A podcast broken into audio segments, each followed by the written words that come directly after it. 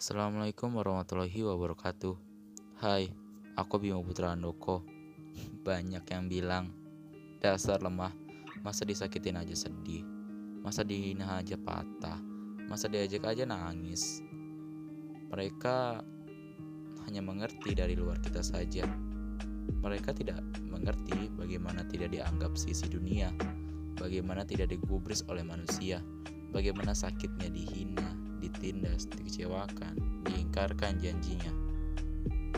Tapi kita tidak pernah berpikir bagaimana semesta yang sabar itu sering kita tinggalkan, sering kita cewakan, sering kita mengingkari janjinya.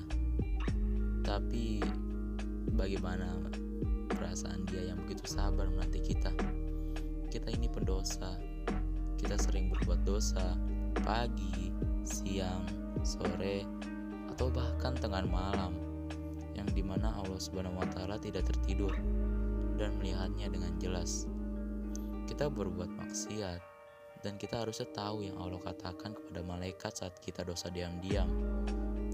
Allah Subhanahu wa Ta'ala mengatakan, "Jangan catat dulu, wahai malaikat. Mungkin esok hari dia bertobat, mungkin esok hari hambaku sadar, mungkin esok hari ia berhijrah. Catat dulu, wahai malaikat." Lihat bagaimana pencipta baik kepada kita.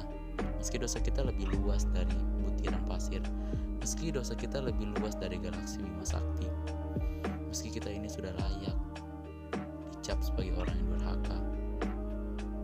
Namun, lihat kesabaran Allah Subhanahu wa taala. Sekian tahun kita berbuat maksiat, kemudian kita mengatakan astagfirullahalazim. Allah langsung menghapus dosa kita dan tidak peduli sama sekali dengan dosa kita di masa lalu. Kadang kita lupa memahami cara rahmat Allah Subhanahu wa taala hadir dalam hidup kita. Kadang dengan kepatahan adalah sebuah kerakahan. Kita kadang terlalu sedih dan tidak punya pegangan padahal sebenarnya ada Allah Subhanahu wa taala sebagai pegangan kita. Sebagai tali yang paling kokoh. Maka dari itu sering-seringlah aku dan kita semua untuk selalu introspeksi diri sebelum menuduh orang lain. Karena ya muasabarlah cara terbaik untuk memperbaiki diri. Cara terbaik untuk berhijrah dari keburukan menuju kebaikan. Jangan lupa tersenyum.